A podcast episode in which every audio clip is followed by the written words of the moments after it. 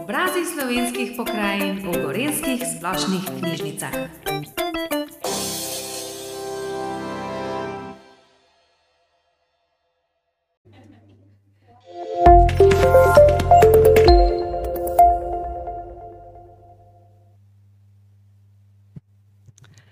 En res prav lep dober večer v mestni knjižnici Kran. Danes imamo eno posebno priložnost, namreč um, gostimo Krančana, legendo, glasbeno slovensko legendo, če lahko temu rečem, Andreja Šifrerja. Lep pozdrav, Andrej Šifrer v naši knjižnici. Uh, in pa seveda njegovo sogovornico, novinarko, um, gospod Majo Stepančič. Uh, to sta naša gosta danes. Danes začenjamo novo sezono pogovorov z znanimi slovenkami in slovenci, katerih življenjsko delo in uspehi so zaznamovali razvoj Slovenije v preteklosti in sedanjosti in so zato vrščeni v spletni biografski leksikon obrazi slovenskih pokrajin. Pogovore prirejamo v sodelovanju z gorenskimi splošnimi knjižnicami, torej z mestno, kot mi, kot mestna knjižnica Kran, poleg nas pa še knjižnica Ivana Tavčarja Škofja Luka, knjižnica Antona Tomaža Linharta Radovlica, knjižnica dr. Toneta Pretnarja Tržič in občinska knjižnica Jesenice. V tem trenutku pa smo pred smo tukaj predvsem zaradi človeka, katerega talent in glasbena ustvarjalnost nas spremljata že 45 let. Ob njegovih uspešnicah so rasle generacije, njegove pesmi pa še danes uh, nagovarjajo trenutke, občutke in dogodke iz življenja slikarnika. Andrej letos praznuje 70. rojstni dan. Del praznovanja v Kranju in poklon njegovemu delu predstavlja tudi današnji dogodek. Zato še enkrat lepo pozdravljam Andreja in pa seveda gospod Majo v naši družbi in ju predajam publiki. Hvala lepa.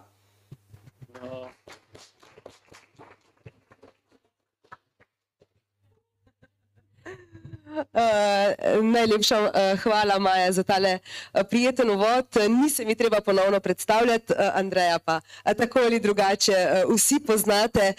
Um, in lep pozdrav še z moje strani. Zelo sem vesela, da sem lahko tukaj danes na drugi strani, ko obeležujemo uh, vašo 70-letnico uh, življenja na tem planetu in pa seveda 50-letnico glasbenega ustvarjanja. Prepotovali ste v svet, sodelovali in spoznali ste nešteto, nešteto glasbenikov. Uh, verjamem, da se zdaj vseh niti ne spomnite, ampak če vam za začetek postavim uh, eno vprašanje, ki bi morda bilo končno, kako je, ko se ozrete nazaj? Kaj vidite? Pravzaprav se je nazaj težko ozirati, dokler ne vidiš uh, čist vse pred seboj, kaj je bilo nazaj. Zato razstava, ki je zdaj v uh, Prešernovi galeriji, me je prvič spomnila na nazaj. Uh -huh. Ker jaz se z nazaj ne ukvarjam prav veliko, ampak z naprej. In uh, ko gledam, pa, ko sem pa stal pred temi stenami, ki so me nagovarjale, sem se sem in tja obražal, kdo je že to. ne, ker je toliko enih stvari, pa vendar je to samo je to samo nekaj trenutkov iz mojega glasbenega življenja, v glavnem. Uh, in uh, se veste, ne moreš celega svojega življenja obesti na pet sten v muzej. To ne gre. Mislim, ampak tukaj smo zato naredili nekaj sklopov, to se pravi Andrej pred Šifrerjem, živ žal, kjer ga se morda tudi nekateri od vas spomnite, potem pa sodelovanja z tujimi glasbeniki, vsa diskografija, potem pa tista znamenita češnja na torti, zlate, srebrne in platinaste plošče. To je to, ampak to zdaleč, Maja, ni vse. To je toliko velik tega bilo, da uh, da bi rekel, da to, kar se vidi v muzeju, je uh -huh. biti zajetih enih 20%. Ne? nekaj največjih uh, dogodkov, zgodb iz te zgodovine glasbene. Tako. Ja, in tudi je bolj posvečeno neki mojim sodelovanjem v tujini, uh -huh. kar meni seveda pomeni blazno veliko, da sem lahko sodeloval, delal, igral, se družil z mojimi idoli. Uh -huh. To je, to recimo, da doživiš, da človeka, ki si ga spremljal kot mega zvezdo, naenkrat pa spoznaš, stoji pred tabo, pa se z njim pogovarjaš. To so stvari, ki se jih ne da opisati, vendar, kaj sem ugotovil, da so pravzaprav zelo navadni ljudje, da so čist simpatični, uh, ki sicer morajo eno vlogo igrati v življenju, tako kot sem jo tudi jaz sprejel. In uh, eni ljudje ogromno vejo o šifrerju, o Andreju pa skoraj nič. Ve, rekli ste, da se ne ozirate nazaj, ampak tukaj smo tudi zaradi tega, kar ste dosegli v vaših 50 letih glasbene karijere. Posneli ste čez 170 pesmi, če se ne motim, pripravljate tudi nekaj novih. Že več, ja. Zdaj že več? Ja, ja, to, to se skozi dogaja, jaz še vedno snemam in Aha. seveda. No, ampak se ta cifra je nepomembna. Ja. Absolutno je nepomembna, pač pažno je, kakšne so te pesmi, ne, seveda. Ampak ste glasbenik, avtor, ste pripovedovalec zgodb. Kaj od teh treh besed bi vas najbolj opisalo? Glasbenik, avtor, pripovedovalec zgodb? Avtor in, avtor in pripovedovalec. Ne? Ker recimo, če ste bili na mojem koncertu, ste verjetno slišali, da jaz ogromno govorim. in predvsem povem vnaprej tekste manj znanih pesmi. Kaj ti vem, da so čutila, ki so obrnjena v, v, v musko in v tekst, se tekst zgubi. Meni je pa zelo važen, da ljudje vedo, kaj sem hotel povedati. In mi veliko krat pridejo in rečejo, hvala, da si prej tekst povedal, koliko je bilo lažje pojdi spremljati komat. Ne? In uh, seveda, ker sem pa neke sorte besedilar, ali kako se temu reče, ker v eni pesmi pravim, resnico rad povem ljudem na razumljiv način. Ne? In uh, potem je pač to to. Uh, rad bi videl, da me ljudje zastopijo. Kaj hočem povedati? To to. A ga razumete? Uh, Andrej, 50 let, ne omenjava, je eh, let glasbene karijere, je res dolgo obdobje in čestitke, da ustrajate. Zanima me, kakšen je bil eh, trg takrat, ko ste začenjali in kaj je drugače danes pri ustvarjanju glasbe in sprejemanju glasbe tudi um, zunaj, širše. Uh, zdaj, da prvo moramo rešiti nekaj. Uh, kdaj se karijera začne? Ne? Po Recimo, mojem, v mojem primeru to sam določiš, kdaj. Uh -huh. recimo, ne. v mojem primeru recimo, sem določil datum 6. januar 1977, uh -huh. ko je šla prva mala plošča Zoboblus. To se pravi, takrat se ni dal kar plošče posnet. To se pravi, da o tem govorim, da nek mejnik, ki ga vsak ni mogel doseči takrat, zdaj sem pa igral v razno raznih ansamblih, pa tako že zdavno prej. Ne. To se Aj, pravi, valjam da, tako, ja, kaj se, da, da zdaj moramo to razčistiti. Ne. Kaj- Ja, jaz kaj sem gledala drugače, kaj je vaš začetek, Ja, ko ste tako, začeli v tako. glasbi um, za Evarentko, mislim, da 1969, potem pa 71. s skupino Tektiti, ker ste bili pevec, kitarist, eh, to pa zato, ker ste znali um, zaigrati E-mol. Ja, to je e-mol, je najbolj enostaven prijem na kitari. In moj predhodnik ga ni znal zagrabiti. In potem so me uh, pač te fanti iz Šenčurja poklicali in smo potem igrali na plesih. In to vendar, uh, moji začetki, z, ki si omenila, zdaj ko ti mene vikaš, jaz tebe tikam, mislim, Kaj narediva? da ti mene tike. V redu. bomo lažje se zmenili. Okej. Eh, Skratka, Ajvar so bili prijatelji, ki v bistvu jaz sem kitaro igral, en je na tamburin, malo smo se in smo igrali za svoje, za svojo druščino, 30-40 ljudi. Ne? In to tiste hite, ki so bile takrat, potem jaz sem začel pisati svoje prve pesmi. Ne? In uh, to je bilo tako zelo svetobolno. Ne? Te prve pesmi so bile izjemno, uh, tako, eh, Rima je bila gospodar, ne? A veš, vedno po mestu hodim sam, brez cilja skozi noč, ker vem, da nikogar nimam, kamor bi šel po pomoč. to se pravi, noč pa pomoč. Ne? Sicer, ker zdaj poslušam kakšne stvari na radiju, ni dosti bolj, kot tole. Ne? Ampak ste, rabi, ste potrebovali, ne, eh, si potrebovali ne, deset let, ne, preden je prišlo do V tistih resnici- besedil. Ja, gre pravih. za to, ne, ne štejemo v letih, ampak štejemo v pesmih. To se pravi, temu rečem kar obrtništvo. a ne. Eh, Ker potem, sem napisal kakšnih 30 komadov, je ta 31 že imel tri dobre stavke. Recimo. Eh, Potem ta 50 je bila že cela kitica, pa še malo. Ne. Tam nek 60, 62 komat je bil pa že tak, da je bil tudi za me sprejemljiv. Ker najhujše je, veste, na začetku, ki imaš blazne ideje, pa daš na papir, pa rečeš, to nisem jaz, nisem tole mislil. Ne.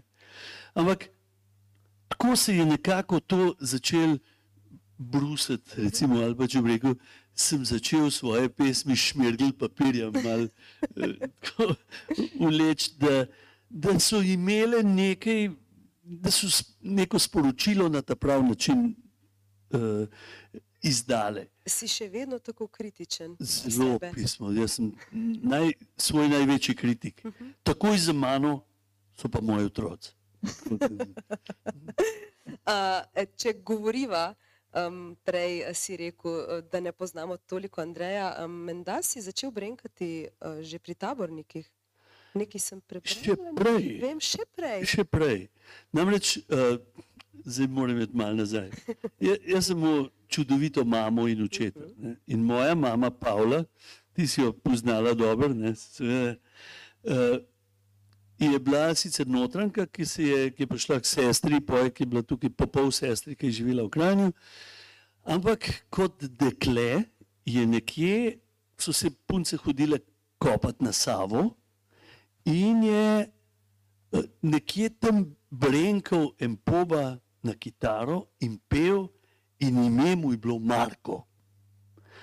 In ona si je rekla, če bom jaz kdaj imela sina, mu bo ime Marko in bo igral na kitaro.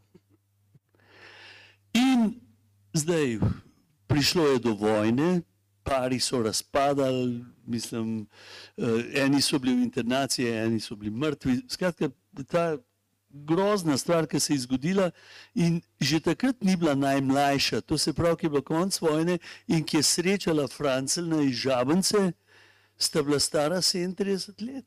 Ne? A veš?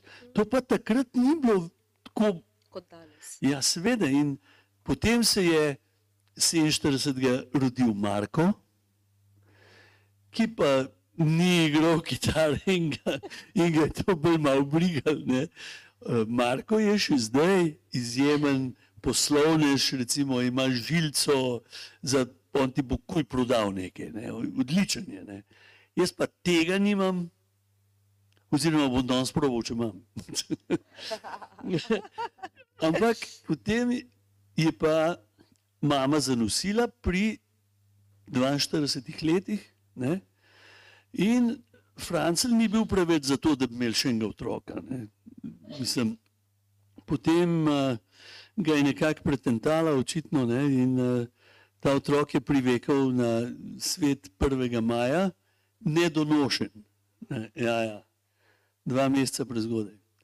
No, in seveda, ba jaz sem jokal cele noči. Ne? In me je celo, dobro, mislim, in je rekla, da, da sem, ona ni vedela, da sem jaz že vadil.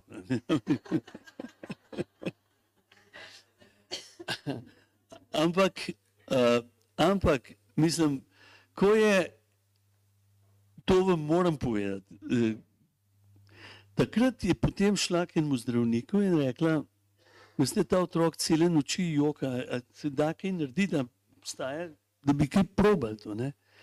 In je ta nesrečni doktor rekel, veste, zdaj pa videl starejšo gospo, dojenčka, mislim, in rekel, veste, gospa, če vi hočete, jaz lahko tako naredim, da ta otrok umre. Samo nekaj si predstavljate, to je bila neka vrsta eutanazije. Koliko tega se je moglo dogajati in prej, da se je, to, da se je neka selekcija naredila tudi na tem. Nikoli ne bomo vedeli in boljš, da ne. Sem to, da veste, v kako drugem času živimo, pa to v času enega življenja, 70 let. Ne?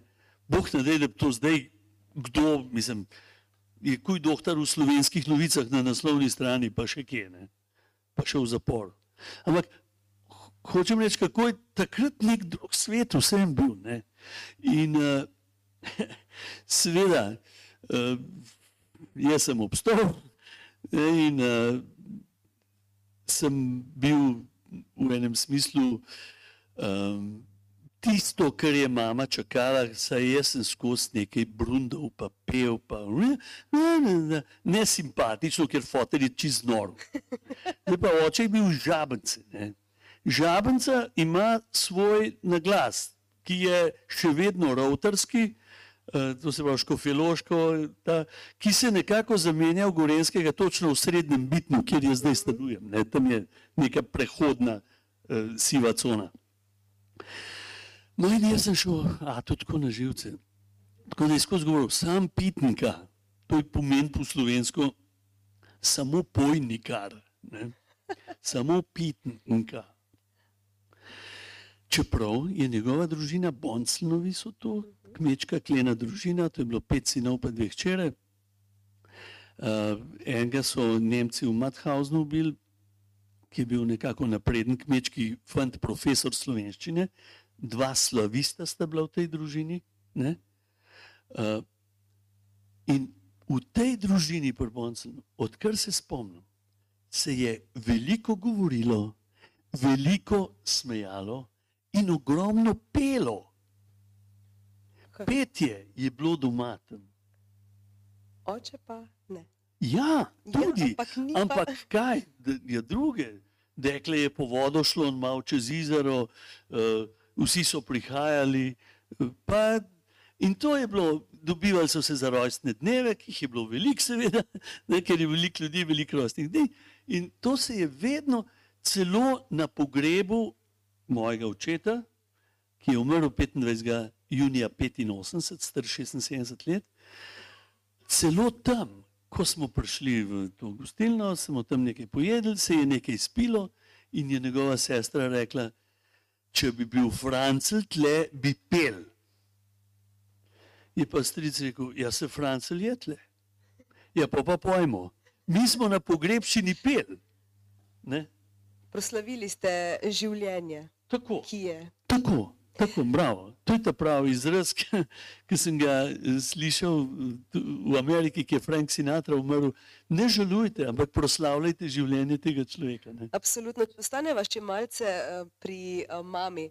Eh, Mama je bila tista, ki te je opozarjala na neko lepoto besed, je bila največja oboževalka, je sta skupaj eh, tudi poslušala m, razne pesnitve oziroma razne radijske oddaje, kjer so zlagali te besede v take lepe vrste. Jaz v Tržiču sem. No, v Tržiču si tako. Uh, ja, mama je imela zelo rada uh, lepe besede, lepe misli. Ne? In jih je, recimo, tako kot v delu, še zdaj izhaja, oziroma je ena rubrika Iskrice ne? in so kakšne modrosti tam. Ona je to strigla in nalepla na štoke, na, na podboje ne? Od vrat. Tako da, kadar šumem, to mogo prebrati, mislim, se, ne. Ampak eh, bilo je pa, kako starši otroke v resnici v to smer vzgajajo. No, ne. Eh, eh, posluša, mi smo, ker ni bilo televizije pri hiš, eh, smo poslušali radio in so bile razne neke kviz oddaje, kjer so mesta tekmovala med seboj in je eh, Tržič tekmoval za nekim drugim mestom in vsak se je ta prvi predstavil. In tisti, ki je predstavil Tržič, je povedal, da se je Tržič skril kot plaha je rebica med gorami. Ne? Plaha je rebica, kot, plaha je rebica, ki se je skrila pred jastrebom. In seveda to gre me mene, dokler mama ne reče: Poglej, kako je lepo. Kako je lepo povedal, plaha je rebica pred jastrebom. Nekih 20 let kasneje se ta plaha je rebica spet pojavi v pesmi, ki jo pišem, hiše razpršene kot jata plahih je rebic v pesmi Gorska roža. Ne. Ampak to je mama, veš, to je ona naredila. Ne. In recimo, ona je bila, pač ona je imela smisel za te stvari. Ne. Uh, in uh, ko sem hodil k zobozdravnici, to je bila Zupanova Števka. Res je obstajala. ja, res. Ne? In ona je bila nekako deset let starejša od mene, in jaz sem k njej hodil. V bistvu cela družina smo hodili k njej. No, in, in tak, oni so tako zobozdravniki, so že maske imeli. Ne? In tiste lepe, rjave oči, jaz odprt. Uh, Pa gledam Štefo, je, sem rekel, Bog ne da, da se človek v tako žensko zaljubi. Mislim. To bi pa napisali. Kaj? Pa si napisal Po pesem. poti domov sem si zmislil, prišel domov, zapisal in zaigral Pavli. Je rekla, Štefa ve. Sem rekla, kako vedela, da se to, to je zdaj. In tako da ene stvari zelo hitro se zgodijo. Recimo zdaj peš, pišem pesmi mesece, tudi leta. Ampak zato, ker nič ni dosti dobro. Ja, z leti postaneš, po moje, vedno bolj kritičen do sebe in do svojega ustvarjanja. Verjetno Takrat je pa to šlo skozi in, eh, in je to celo postala prva pesem, ki sem jo posnel in je bila nekako prva uspešnica. No, ampak iz tega in ko sem to predstavil, to pesem v Pen klubu, uh, to je Jure Rubežnik sklical smetano. Je bilo to tri dni pred eh, služenjem eh, vojaškega to je bilo, roka? Ne, to je bilo prej. prej. To je bilo za, za zobobluz, je bilo to, za malo ploščo. Uh -huh. Tisto, o čemer si pa ti mislim, je bilo pa že za ta veliko ploščo. To je bilo pa 78. leta, 8. januarja. Ja. No, ampak, če se vrnem nazaj na zobobluz, in takrat smo povabili tudi Števko z možem. Ne? a Veš, ne? Tako da, da je bilo jasno, da, to, da je to samo, kaj bi bilo, če bi bilo. No, mislim. uh, no ampak, dobro, to, je bila- to je bila naša mama. no. To, to je bilo to. Mama, prva oboževalka, um, Ja. oče pa ni um, maral um, hoditi na koncerte. Ne. Kolikor vem, to je bilo trpljenje za en. Kdaj se bo končalo vse skupaj? On je, a ta je mu tako, ne. Sej, v resnici, da smo si na jasnem, njemu v življenju stvari niso tako ratvale, kot bi si on rad. In večina stvari mu je nekaj spodletel in to je mu občutek, on je mu strah in njega je bilo strah tudi zame. On me je hotel zaščit, zaščititi pred neuspehom. Čeprav na mal hecen način, no, jaz sem to kasneje opazil, zakaj je šlo. Ne? On me je hotel s tem, ja pa ta priklita muska, a veš, to je bilo skozi, ja, Madonna, taka pa muska. Zdaj ne moreš živeti od Ne moreš muzike. živeti od muske, pojdi v službo, bod pravnik. Ne? Si Pa da je to ne. vikendih, ne? Ja. Vikendih. Ja, to, da ima od denarja, da bi to uredil. A Da moraš od tega, takrat nihče ni živel od tega. No. Uh, no, ampak ne hote je pa on bistveno vplival na moj glasbeni razvoj. Zato, ker ko je šel on zadnji dan v službo, potem pa v penzijo. Jaz mislim, hodil v šesti ali sedmi razred je šel mimo moje postelje in me, on je rekel, da me je zaudel, nek sem bil vzbrcan in me je zaudel. Ne. Ker on je vstajal pol petih, ker je bil skladiščnik vino pivo tamle in seveda je on je odprl, pa zaprl na koncu, on je bil cel dan tam. In, uh, in me je tako le zaudel in gre mimo in sem rekel, ata, a veš, kaj sem sana? Da smo dobili gramofon. Je pa rekel, o, o ti utrek zmišljen, če sem že bledel od, od muske. Ja. In kaj se je zgodilo? Za darilo ob odhodu v penzijo so mu dali kot darilo gramofon. In to moj gramofon, ki sem ga jaz nasanal. Tisti gramofon, emona. Enkrat se je zgodilo to v življenju, da sem, na, da sem bil pred časom. In seveda, v podjetju niso vedeli, da niso njemu kupili gramofona, ampak meni. ne. Potem so se plošče začele, jaz sem zdaj lahko poslušal bitle desetkrat zaporedoma. Lahko sem probal akorde, desetkrat, dvajsetkrat, stokrat, če potreba. Skratka, on je bistveno vplival na moj glasbeni razvoj, čeprav ga ni maral. ne. Nezavedno. Ja. Uh, ampak, Andrej, če se vrneva uh, še malce prav k tem uh, glasbenim začetkom, ne Zobo Blues 76, potem promocija um, 78. Vem, da je bilo nek nastop, je bil silvestrski za upokojence takrat, Zobo Blues, ampak potem je bila naročilnica z televizije prenešena na radio in tam te je slišal um, Jure Robežnik in je rekel, da en gorenc nekaj poje. In vas je potem želel, oziroma te je želel spoznati. Ja, če še malo pri-sequela povem.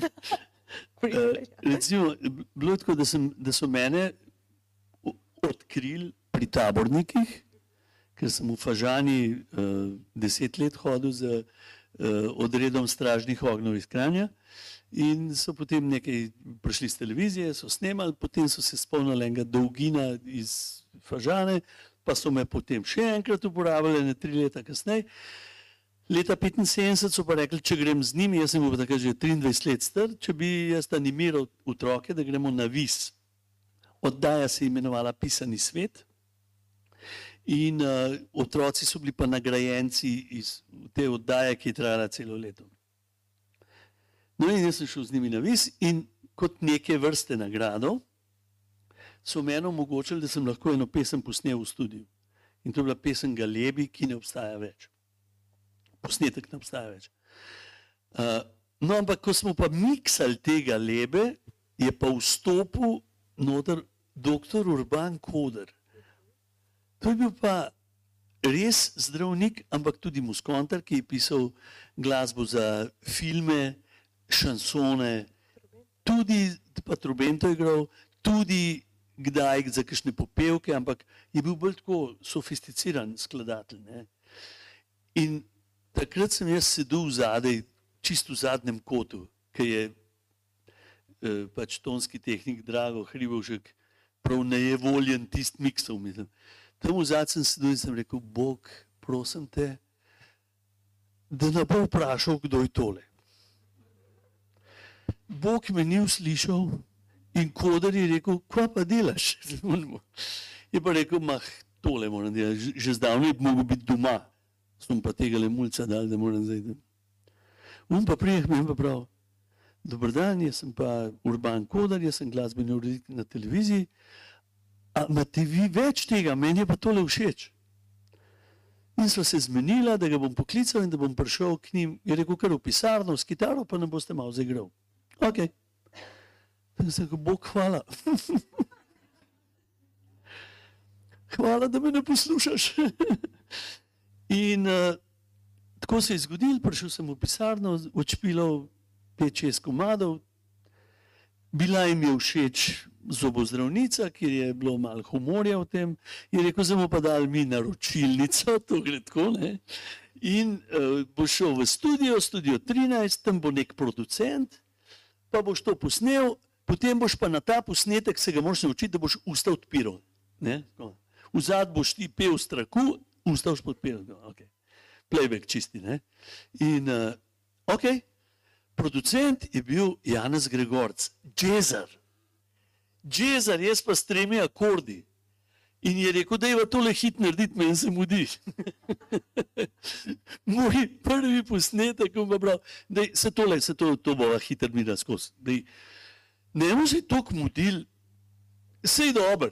Ja, to je za me najhujši stavek še zdaj v življenju. Sej dober, meni se ne da. Tu sta dva stavka, ki. Ah.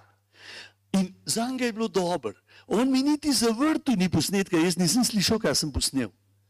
In seveda, v tej furiji je naredil napako, ker se mu je mudil, pa brigal ga je za tistega mulca, ki je tam špilal. In je na mesto na televizijo poslal trak na radio. Na radiju so razumeli, da je to neka noviteta in so začeli to vrteti. Mene čez en mesec kličejo z televizije, Andrej, prnes trak, mi ga rabimo zdaj. Sem rekel, ga nimam, tudi slišal nisem komada. Ja, kje pa je pol? Ja, ne vem, Gregorca vprašajte, jaz ne vem.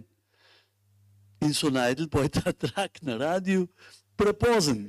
Kaj ti uni so ga že vrteli vsako jutro, skoraj, ba je. Jaz spim zjutraj, jaz ne poslušam radija. In to je slišal Jure Robežnik, direktor založbe kaset in plošč in spoštovani skladatelj čez tisoč posnetih pesmi ima in tako. In Jure se je bril in se, ko je slišal, zakaj gre v tej pesmi, da se izrula mu je zadnji zob, je rekel, sem se toliko smejati začel, da sem se urezal. Prav, a se je humor vrnil v slovensko zabavno glasbo? In je, pa, in je pa tako mal uh, uh, poizvedval v krog, imel je pa za svojega uh, pač človeka, ki, se je, ki je urejal slovensko zabavno glasbo, je bil pa Ivo Umek, muskontar iz celja, krasen možakar, s katerim smo se pa poznala. Namreč več stvari je tekel istočasno. Veste, to, istočasno sem jaz že poznal Aleksandra Meška, Sašo Mežak iz Žirovnice, ki je bil v Angliji in ko je bil on v Angliji, sem jaz za njega mal urejal stvari, pa neke koncerte sem mu zrihtal, tako. Tako sem jaz spoznal Iva Umeka, ki me sreča in reče, ti, ti si tudi gorenc. Moj šef me je nagnal, da moram najti enega gorenca, ki v dene zubu zdravnice poje. A ga ti poznaš? Sem rekel, ja, to sem jaz. Pa prav, aha, jaz sem pa Mozart. Pa je šel naprej. Ne? Čez en mesec se spet srečava, pa prav, ti, a veš, da si res ti. Tako to zgleda, to se pravi, da, da če mislim tisti kodrov prihod, pa ta, eh, ta od Gregorca totalna ignoranca zadeve, sta pomagala do tega, da, da se je nekdo, ki, ki pa v tem nekaj videl, le pojavil in rekel, da ga pripel tega fanta. No in smo se dobili in dobili neko, nek dogovor smo naredili, da posnamemo tri komade. To je bilo oktober 76, ravno takrat je imel pa Sašo Mežek, pa turnejo po Sloveniji, smo zrihtali deset nastopov, izjemno uspešno, Siva pot vodi me je bila že hit, on je promoviral uh, novo pesem, uh, to se pravi vremenska napoved je megla z dežem, megla z dežem, megla z dežem. Rad bi se k tebi, pa sam ne vem, ali naj grem ali ne. Skratka, to je bil, folk je pel zraven, samo to sta bila dva komada, veš, za koncert dva komada je mal premal, ne? ne? Ampak potem je on imel že v pečici ploščo, veliko ploščo, z naslovom, kje so tiste stezice, kjer je bilo par vrhunskih komadov gor.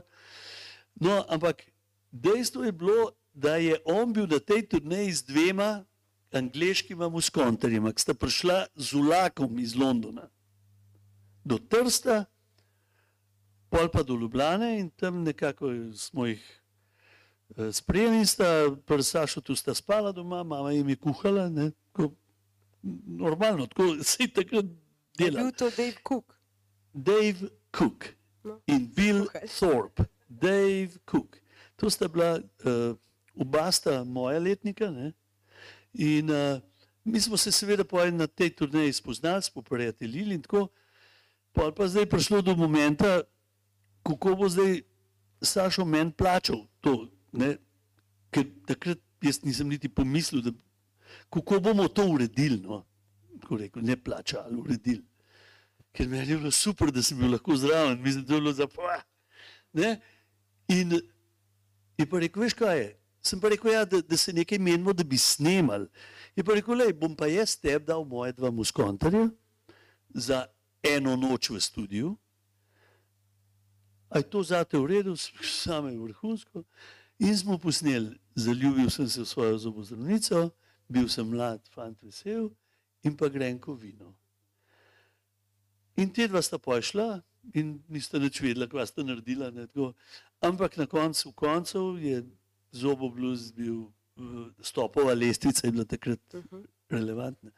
Number one, to je bil na vrhu številka ena, bil sem mlad, tudi tri tedne številka ena, začel se je. Takrat se je začelo. No, zdaj smo spoznali Andreja že pol ure. To je ta eh, prikvel oziroma ta predzgodba, eh, preden se je vse začelo na glasbeni poti. Ja, moj žul 77, snemanje v Angliji in tudi ostali albumi snemani v tujini. Zakaj tujina? Veš, zakaj je šlo? Tukaj je bila glasbena situacija taka, da je uh, pri nas so imeli ti orkestri glavno besedo. Vsi so snemali z orkestri, ampak tako kot so popevke, če se mal spomnite, tako le, kot vas vidim, se lahko še slovenske popevke zelo dobro spomnim. In je, uh, to je bilo tako, eden je napisal musko, drugi je napisal besedilo, tretji je pel, četrt pa aranžma naredil. To se pravi, tisti, ki je pel besedilo nekoga drugega, izkušnje nekoga drugega. Ne? Zdaj, a mu je bila muska všeč ali ne, druga stvar, a mu je bil aranžma všeč. Skratka, pre- zelo narazen je bilo tole. Ne? In seveda, oni niso imeli te izkušnje, ki sem jo jaz popil iz ameriških uh, singer-songwriterjev ali avtorjev in pevcev, Johnny Mitchell, Jackson Brown, James Taylor, to so bili kitarce, violince, manj je več, brez orkestra, brez bank, zelo intimno. In začetek 70-ih let je bil za, oni jim pravijo singer-songwriters, za avtorje, pevce, je bil pravi razmah. Vsi so pisali tekste in ono tretje, in bili so moji učitelji nadaljavo. ne, jaz sem njihove ploče poslušal dan in noč in se čudil, kako da on lahko tako napiše, jaz pa ne morem. Ampak tudi on je mogel napisati ta prvi 60 komadov. Preden je prišel do tiste, tiste prave izrazne eh, forme. Ampak Andrej, peti album, eh, Hiti počasi, ne, iz leta 1990, je omaš Eaglesom ne, in eh, country roku, to radi poveš, to rad poveš, radi poveste, ja, zdaj se že Ok, zgubljam v aha. tikanju, vikanju. Eh, Posnel si ga v Nešvilu in eh, Menda uh, je zanimiva zgodba um, za to potjo v Nešvil. Menda si porabil vse svoje prihranke, pa še 20 tisoč dolarjev eh, kredita si vzel. Uh, kljub temu, da nisi točno vedel, kam se podajaš, si rekel, um, sledim svojim sanjam, ker jaz to moram uresničiti, ker jaz hočem te ljudi spoznati, jaz hočem s temi ljudmi delati. Ja, eh, v 80-ih letih sem spoznal nekega gospoda z imenom Steve Popovič. On je bil, eh, on se je rodil v Ameriki, črnogorskim staršem, ampak je bil izjemno sposoben v glasbeni industriji in je delal z velikimi zvezdami in za predvsem velike firme, take mogočne konglomerate, CBS, eh, Warner Brothers. To, to je, in je bil v tem izjemno uspešen in živel je v Clevelandu.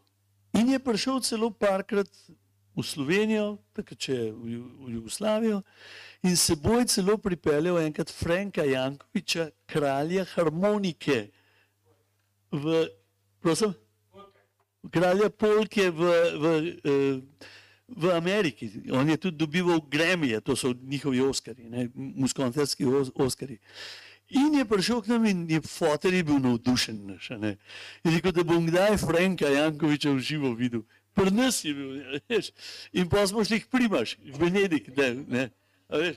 To, mislim, to je bilo nepojemljivo in ta Steve je imel to neko noto, on je morat in je sforsiral tega Jankoviča tudi. No, na kar mi se s Stevom poznamo in tako on je pa eh, bil menedžer od enega znanga rock muskontarja Ian Hunter in me je tudi poklical, da pridem na ta koncert in tako. Skratka, sva imela nek odnos. Na kar enkrat javi, da se je ločil in da s sinom se bosta preselila v Nashville. Moj bog. Nashville je center country muzike na svetu, ne v Ameriki, na svetu. To se pravi, vsi, ki hočejo kaj biti v tej zvrsti glasbe, gredo v Nešvil. In ko sem jaz videl, da je Steve tam, ne, se je seveda usula neka, neka euforija, kaj če bi jaz šel v Nešvil, kako bi to izgledalo. Zdaj pa moramo nekaj vedeti. Jaz sem posnel ploščo, eh, to se pravi, sva rekla, moj žul 78 je šla, potem od šanka do šanka v srbo-hrvaščini 79, Arsen Dedič je bil moj jezični saradnik, tako se je podpisal. Leta 81 sem posnel dvojno ploščo ideje izpod ideje, ki se je prodala prva plošča pri nas zabavne glasbe v več kot 100 tisoč primerkih.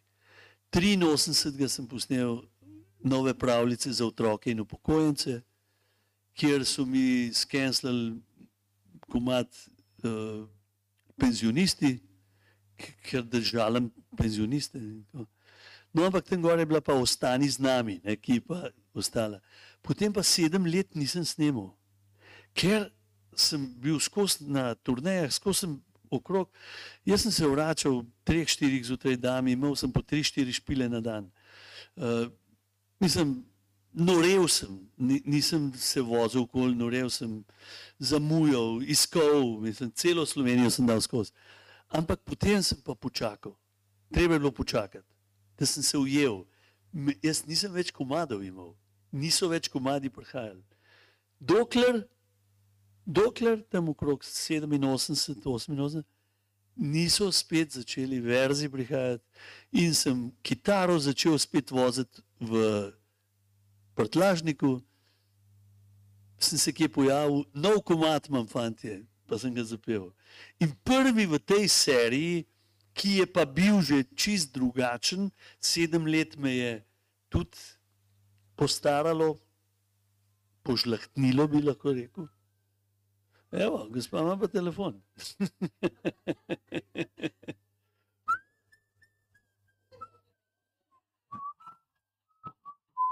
In takrat se je rodila pesem Šum na srcu. Žitev zgodnega časa, bogatega klasa, zatrubila je svoj odhod, ko je tako gozdna vila, me je poljubila, odpeljala pod nebesni svod. Ker do takrat oktober ni bil slab in nedober, le v večnost zapisan čas, ko smo iskali plodove za pozne rodove, nihče ni vedel za nas. Rad bi jokal s teboj kot klovn, rad bi pel ti kot Jackson Brown. Jackson Brown je bil moj idol v pisanju pesmi, In ko sem ga obiskal 93 let v njegovem studiu v Santa Moniki, to je del uh, Los Angelesa, ni mogel verjeti, da v Sloveniji vsi vedo, kdo je Jackson Brown. Prav tako v Evropi ne poznajo. In uh, potem, seveda, da skrajšam, sem napisal pesmi, šel v Nešvil. Sem rekel, nekaj jih bom v Nešvilu posnel, druge bom pa doma. Ker sem bil v Nešvilu, ja, bk na umen, kva boš doma. Tle imaš zdaj ekipo najboljših glasbenikov, zvrsti, ki jo imaš ti najrajš, ti už pa zdaj doma, kva s big bandom snemal ali kaj. Ne? In imel sem pa že pesmi, umrla je država, poglej ga na ujutro, jaz pa še vedno gnezdim sredi rjuh. Ne? To so bile te pa šum na srcu, in zdaj meni je manjkalo komadov. In sem se spomnil, da imam kišno na pol napisano. In ena od njih je bila: Vsaka zvezda na nebu zamiži, ta luna prikima. Se poslovi, pogasili smo vse luči, da naša Eva lahko zaspi. Eva je bila stara takrat dve let pa pol in je. In sem jaz nepil, ker je tudi njena pesmica, poj, pa naj zaspi, naj, in naj zaspi, naj skrije svoje trudne oči, pa naj zaspi, da se malo srce umiri. Naj sanja le o lepih stvarih, ko sonček zbudijo, na ustih bo smeh. To je za dveletno, triletno deklico. Ne? Zdaj sem pa jaz v Nešvilu in kako naj, kakšne komade še dodam zraven. Kličem domov, dvigne slušalko Eva. Vendar zdaj smo leta 90, to je že zdaj deset let stara deklica in je neka druga Eva, kot je se začela Eva delati. Ne? In sem rekel, Evi živijo, kako si, jo, oči živijo. Mi smo imeli psa z imenom Čemp. Oče, ja veš, da smo bila s Čempkom, smo bila v Gmajen, koliko je bil priden, koliko je bilo fajn. Eva, hvala. Nisem znal osem let te pesmi dokončati. Takrat pa, vsaka zvezda na nebu zamiži, Evin kužek zalaja. Tega stavka nisem znal skupaj spraviti osem let. Evin kužek zalaja se poslovi v kraljestvo, škratov, san in viljo nese sila nevidnih kril. To je že tisti drug tekst, to več ni sonček zbudi pa tako naprej. In že leti daleč proč od tega sveta, od tega, kar ne razume in kar ne pozna. Saj jo čaka svet drugačen od san, kako naj svarim jo, kaj rečem ji v bran, zdaj me je že strah. Deset let, to bo puberteta, čez en let, dve. Boj se ljudi, ki ne znajo jokati, ne gledajo v oči, ne znajo stisniti dlan. Boj se množic, ko mahajo s pestmi, šoferjev s klobuki, nabitih na volan in tako naprej. Ampak to je tisto, temu se reče um, Klik. ustvarjalni blok. Temu se reče to, da ne znaš naprej. Potem sem kasneje celo šel v eno šolo za songwriting, ki jo imajo, oziroma spoznal sem žensko, ki to počne, pa sem kar k njej hodil na par uh, teh lekcij in tako. In mi je povedala vse tisto, kar sem jaz že počel, sem nisem vedel, da je to to. ja. Ampak, uh, Andrej, uh, vsem trem otrokom si uh, po svetu komade, kdo je najbolj zadovoljen, um, da mu je oče po V svetu? bistvu je najbolj zadovoljna kora. Ker je za odrasle. Ker je ona, to je en, en podatek. Namreč, uh, vse veste, govorimo o Martinovem Lulčku, o Evini uspavanki. Korino pesem najmanj poznajo, ker v resnici ni otroška pesem. Ne. To je uh, vzhodno, vzhodno od krivice in zahodno od gorja. Tam je kraj resnice, dom vsemogočnega. Le nevidna vez druži duše brez teles, od tam prihaja kora, moja ptica iz nebes. To ni otroška pesem. Ne? In uh, kora je zadovoljna ne samo s svojo pesmijo, tudi s svojim imenom, ki pri nas je zelo neobičajno, vendar kora je končala pred tremi leti uh, mednarodno pravo na fakulteti v Birminghamu in živi in dela zdaj v Londonu. Pravnica kot uh, oče. In mati, Mati tudi. mati, mati celo bila sodnica na upravnem sodišču. Tako, tako da ona je naredila kariero pravnika, pravnice, jaz pa nikoli ne. Edini izpit, uh, Jaz ki ga uh, uporabljaš, je. Šoferski. ja. Uh, a bomo mal uh, dali besedo tudi publiki? Je kdo med vami, ki bi uh, na tej točki postavil kakšno uh, vprašanje uh, Andreju? Roke gor, je kdo, ki bi se opogumil, imate kakšen žulček, ki bi ga spravili ven, imate kakšno vprašanje? Sekunda, bomo samo mikrofon. Nič hudega, nič ne boli. Jana živa.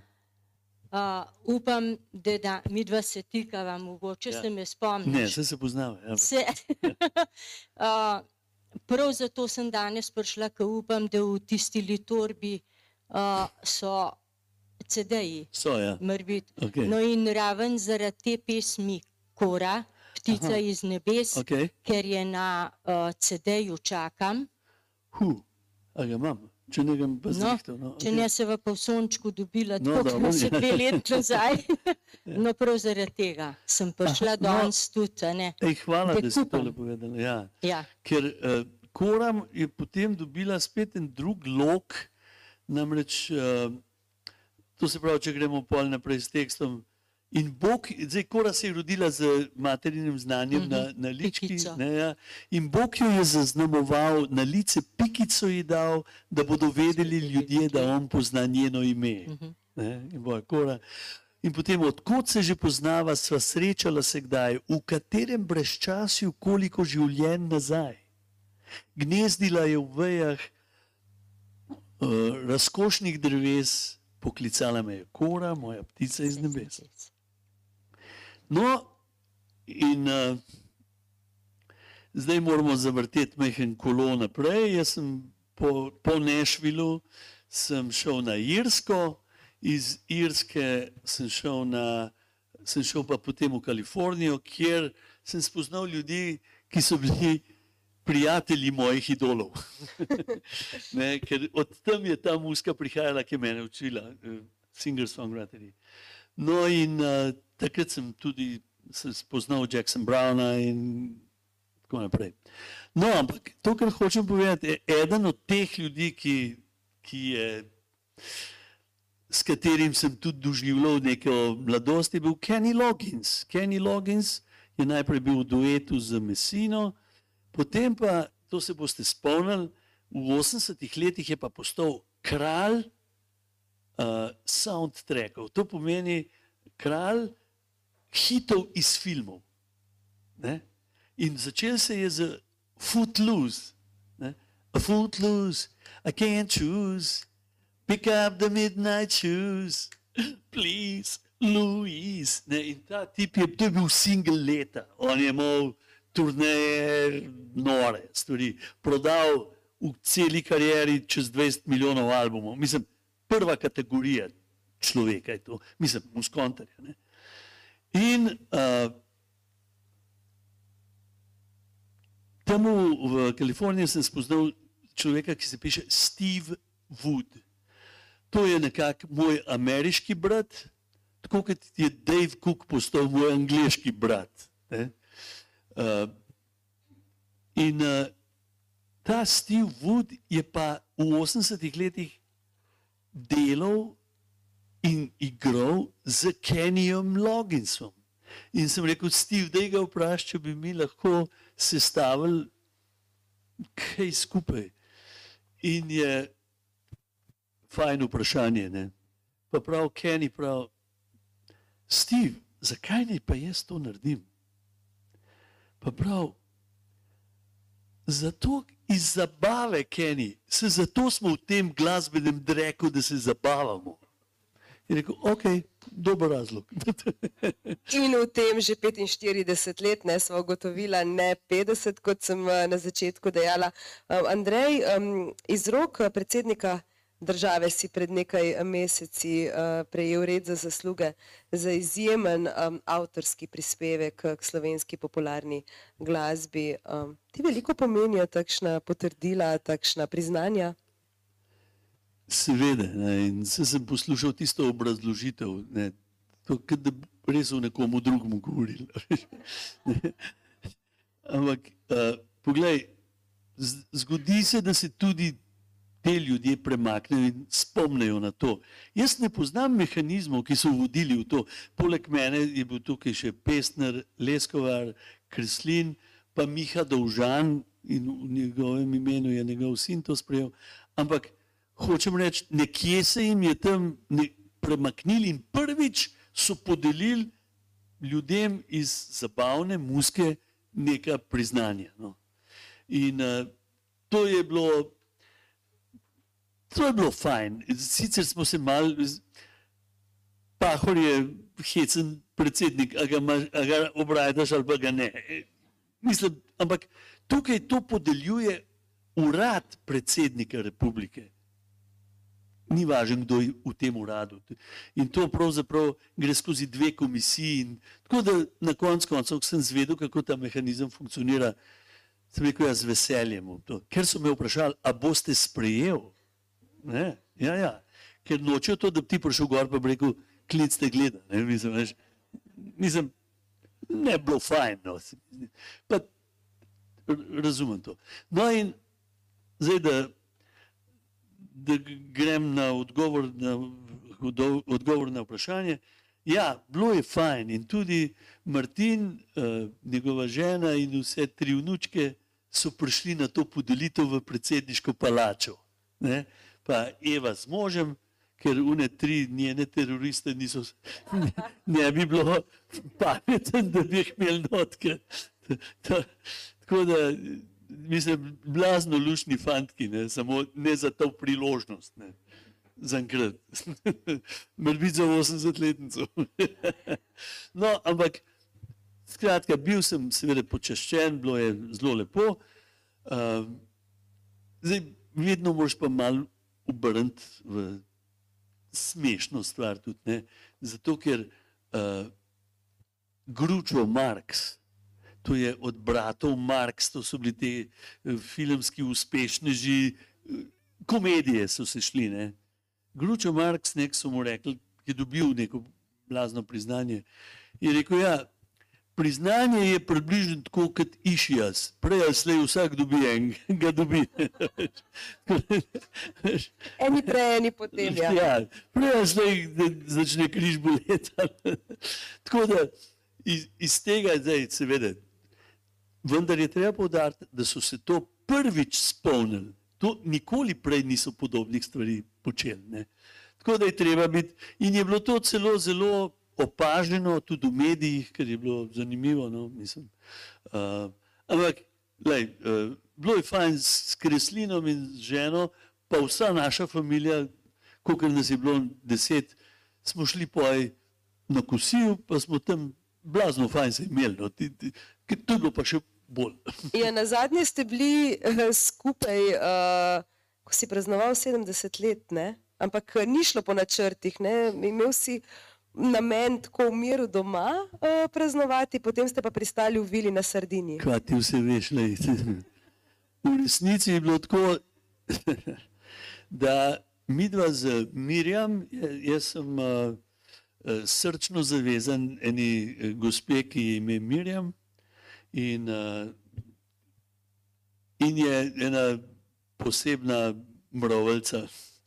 Uh, midva sva namreč ugostila od 1. maja eh, lanskega leta, to se pravi 21, pa do 29. maja letos, 24 krat po 15 do 20 ljudi. V glavnem vse pri meni doma, samo ena, ena fešta je bila na, tenisu. In ona, ona hoče, ona pravi, ja, pa še tega nismo povabili, pa unga nismo. Tako da smo 20 krat se dobili različni ljudje. Od povsem neznanih prijateljev do zelo znanih prijateljev. In uh, kaj se jim, od Toneta Vogrinca, ženo, uh, Miro Cerar, recimo, uh, ta star telovadec. Uh, Muskontarji, vlado je bil tudi z svojo Evo, tako, ampak pri nas doma je bilo čez 300 ljudi. In seveda ta Boga Mirjam tam v kuhan salte delane. In eh, jaz sem pa z gosti. In zdaj jaz pravim, da smo kot televizija. Ona je tiskano vezje, jaz sem pa ekran. Tam bom pa že z dupa pil zunem, mislim. to pa ni. No, in, ampak smo imeli tako narejen mal programčka, da se ta prvo mal poje, potem smo imeli neko družabno igro, potem sem jim pa povedal zanimivo stvar, ki jo je izrekel Janez Vajkart Valvazor o slovenskem petju. Prvič, slovenci radi pojejo. Drugič, radi pojejo, kadar so pijani. Tretjič, radi pojejo, ko so pijani in takrat pojejo na glas in razglašeno. In četrta, nobene ne znajo do konca. Ne? In jaz sem ugotovil, da mi smo v žabenc prboncelnih tudi otroci poslušali, kako so naši starši pel slovenske ljudske pesmi. naša generacija tega ni prenesla na naslednjo. Jaz, moji otroci ne znajo teh pesmi. In mi ni bilo, mi ni fajn. Ampak, ker sem pa vedel, da tudi od teh povabljenih ne znajo nobene do konca, sva natisnila pesmarice. In sem jim to povedal, vsem rekel, no, zdaj imate pa pesmarice, zdaj bomo pa pel. In smo pel slovenske ljudske pesmi. Seveda tudi dan ljubezni se je vmes pojavila, pa gorska roža na koncu koncev, pa uh, ti si moja ljubezen. Na, na, na, na, na. Tako, in to, skratka, in ljudje, ki so se zahvaljevali za povabilo, skoraj ga ni bilo, ki bi rekel, ampak to, da smo pel, koliko časa mi nismo pel. Ne? To se pravi, pri nas se je spet pelo. A bomo tudi mi kaj zapeli? Bomo videli. Nimamo pa smeric, ki ne znate nobene do konca. No, ampak ve- veš, o čem govorim. Ne? In zdaj, ko si mi rekla za moj rojstni dan, seveda, mi dva sva gostila zmerjam te ljudi, potem sem pa februarja šel k sinu, Martinu, in sem rekel, Martin, lej, mi imamo te, tega folka v hiš, vsak drug teden so ljudje pri nas. Za 1. maj bi bil pa jaz rad samo s svojimi. In pa rekel, fotor, prepozen si. Mi smo rezervirali od 23. aprila do 10. maja avtodom, s katerim gremo na Sardinijo, kjer bomo surfali s puncem.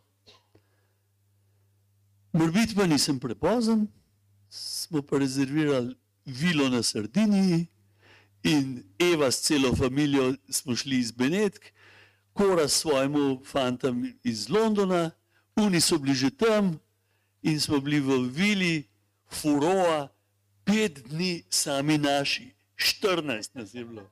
Ne. In čist samo za nas je bilo to. In mi je rekel, prijatelj, prav, ti, ampak to pa mu strošek. Rekel, ne, to je investicija. to, je, to, se, to je najboljši vlog. In veste, kako je to s svojimi biti in s tem. In si čist nekje izoliran, hodili smo na neke krasne plaže, bilo je še premrzla voda, da bo otroci noter sile, to se pravi. So sem tam mal potičke pa gradove delali na, na obali, mi smo ga pol mal cuknili, sem pa je pa veselo se nazaj odpeljali. Pa. Potem za moj rojstni dan so mi pa darilo otroci kupili in sicer četrt finale Wimbledona 5. julija v Londonu. Ker rad igraš tenis, Ja, jaz, to vem. ja, To me pa Jerne vene povedal, tvoj prijatelj, moj kolega z radija. ja, seveda, ker igram, in spremljam in tudi druge športe, ampak tenis je eno tistih, ki jih še lahko igram. Ampak to je bilo to, da sem šel potem petega na to tekmo, kjer sta igrala Djokovic in Sinner. To je bil najboljši dvoboj tistega Wimbledona našega. Stanoval sem pri mojem Davu Kuku in njegovi ženi Tini in sem bil 11 dni v Londonu in vmes sva dokončala dva nova komada. Uh, menda se pripravlja uh, nek nov album in menda je na tem novem albumu tudi neko medgeneracijsko sodelovanje, če se ne motim, uh, z Manco Trampoš in Domom Dom Holcem uh, iz Koala Voice. Preveč veš. Okay. Ja, to je včeraj izšla, ta, ta singel je v resnici v sredo išel in Karol je imel to v svoji predstavitvi ob devetih v sredo. No in uh, mene veliko vprašajo, kjer tvoj komat je pa najboljši? Odgovor je vedno isti. Ta zadnji. A ga bomo slišali? Ne vem, A bi ga slišali? Z- za zaenkrat je. zaenkrat je. A ga bomo? Ja, čak no. A Veš, kaj je Pavla naša rekla, takole, če, če sem tako le silovan, ne, ne, ne. kaj srajca urad. Ne, ker nas že čas preganja, zato Kaj boš čas, mislim. Če te ja, A boš čas preganja? Ok. Pa ti pa tole dam, zdaj pa zabavajmo. E, Raje ne bom nič zapela, da ne boste ušli. Veste kaj, najbolj neprijetno je, če prideš v čakalnico ali pa v trgovino, pa tam en, a mu eno zapel. Mislim. A to je smešno? Mislim. In se svojemu štosu smeje, ni smešno. A mu eno zapel. uh, ok. Uh, Kole, jaz brez ozvočenja ne pojem, ker ni v redu, ker bojo vsi rekli, ma ne, se je bilo v redu, se- se- sam šifr je bil za Andrek, ne, veš, takole, ne. Ampak danes bom naredil izjemo, zato, ker je ta nov komad tako dober. Ne, zato, ker ga še niste slišali, je pa na YouTubu. O, cvetka moja, ja, seveda, ti vidva na Facebooku. A, ta je neverjetna. Uh, no in, uh, in smo posneli celo video tudi, ne? imamo tudi na brzino. Snemali smo v Žabenc, pa v Kran, v soboto, nedelo in ta majster je naredil to že včeraj. Jaz zdaj le grem, pa fajn se imejte. Uh, hvala lepa za tale pogovor. ne, se bo hitro prišel, tako da bomo, bomo kar hitro nadaljevali. Um, morda pa je tukaj še kdo, ki bi um, ga karkoli um, še vprašal. Aha.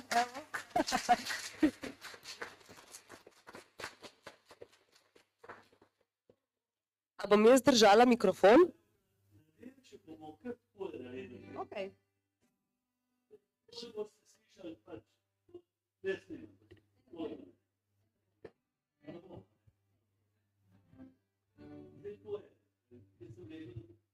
to je pesem, ki je zelo osebna stvar. In jaz, vedeti, že po prvem stavku opozorim mojo uh, bodočo spremljevalko, da slabo ni. Predstavlja, bo preko te fajne. No, ampak je stalo fajn. Ampak, če je pa fajn. Je pa to. Se ne moreš predstavljati, da je fajn. Ampak, To je v teh verzih. Po malo drugačnih sicer. Pazi se, če vabiš me v sanje. Ker z mano vedno ti ne bo lepo, ampak letela boš v nebo, kot nihče na svej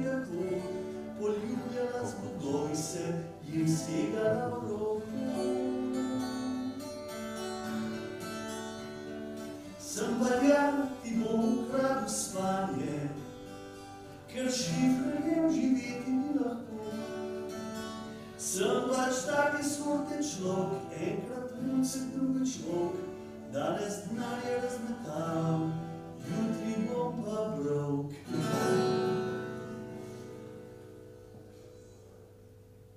Kdo to prav,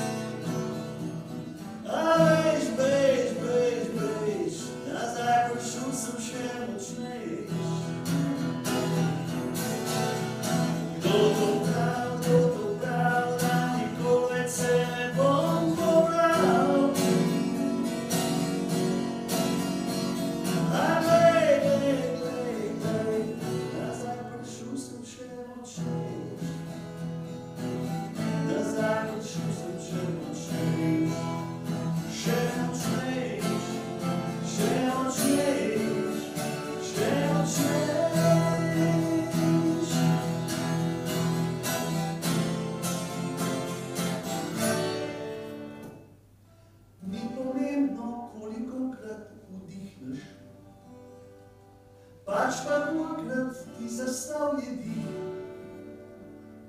Ker s telesom sem še tle, z dušo pa nekje drugje. Hodim po svetovih, ki jih odkril ni še nihče. Ker v nebesa pridejo le tisti, ki uspeli so pobegniti iz pekla. Morda zato sem se našla, ker večkrat vržena je v tla. Poder a servirnos no basta esta angelada.